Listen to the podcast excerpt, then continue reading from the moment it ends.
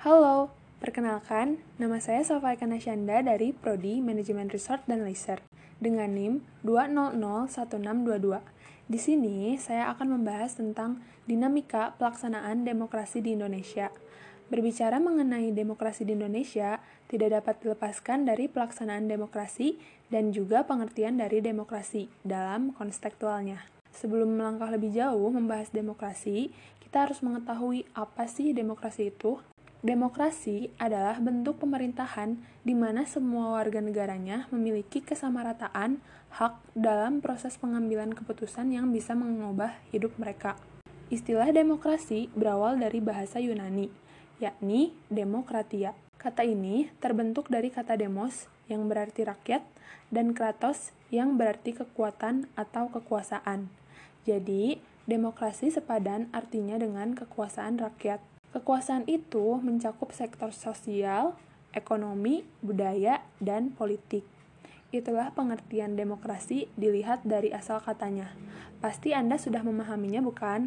Pelaksanaan demokrasi di Indonesia dilaksanakan dalam berbagai kurun waktu, yaitu yang pertama di kurun waktu 1945 sampai dengan 1949 pada periode ini, sistem pemerintahan demokrasi Pancasila seperti yang diamanatkan oleh Undang-Undang Dasar 1945 belum sepenuhnya dapat dilaksanakan karena negara dalam keadaan darurat dalam rangka mempertahankan kemerdekaan.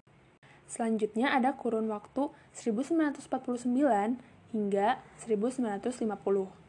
Nah, pada periode ini berlaku konstitusi RIS. Indonesia dibagi dalam beberapa negara bagian, Sistem pemerintahan yang dianut ialah demokrasi parlementer. Pemerintahan dijalankan oleh Perdana Menteri dan Presiden hanya sebagai lambang. Karena pada umumnya rakyat menolak RIS, sehingga tanggal 17 Agustus 1950 Presiden Soekarno menyatakan kembali ke negara kesatuan dengan Undang-Undang Dasar sementara 1950. Lalu selanjutnya 1950 sampai 1959. 1959 hingga 1965. Pada periode ini sering juga disebut dengan Orde Lama. Undang-Undang Dasar 1945 digunakan dengan sistem demokrasi terpimpin.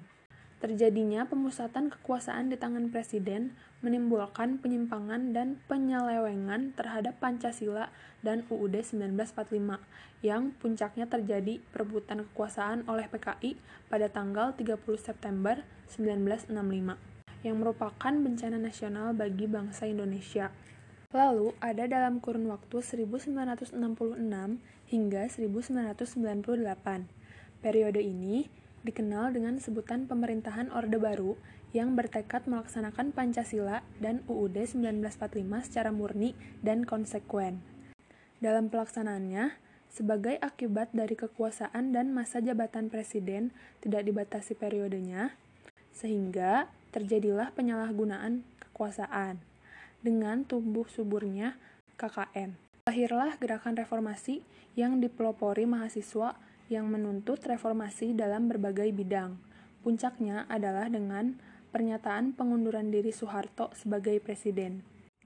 Nah, yang terakhir dalam kurun waktu 1998 hingga sekarang, yaitu Orde Reformasi. Demokrasi yang dikembangkan pada masa reformasi pada dasarnya adalah demokrasi dengan mendasarkan pada Pancasila dan UUD 1945 dengan penyempurnaan pelaksanaannya dan perbaikan peraturan-peraturan yang tidak demokratis. Pada periode ini diberlakukan sistem demokrasi parlementer dan diberlakukan UUDS 1950. Setelah dialami selama hampir 9 tahun, maka rakyat Indonesia sadar bahwa Undang-Undang Dasar sementara 1950 ini dengan sistem demokrasi liberal tidak cocok karena tidak sesuai dengan jiwa Pancasila dan Undang-Undang Dasar 1945. Akhirnya, pada tanggal 5 Juli 1959 diumumkan dekrit mengenai pembubaran konstituante dan berlakunya kembali Undang-Undang Dasar 1945 serta tidak berlakunya UUDS 1950. Selanjutnya,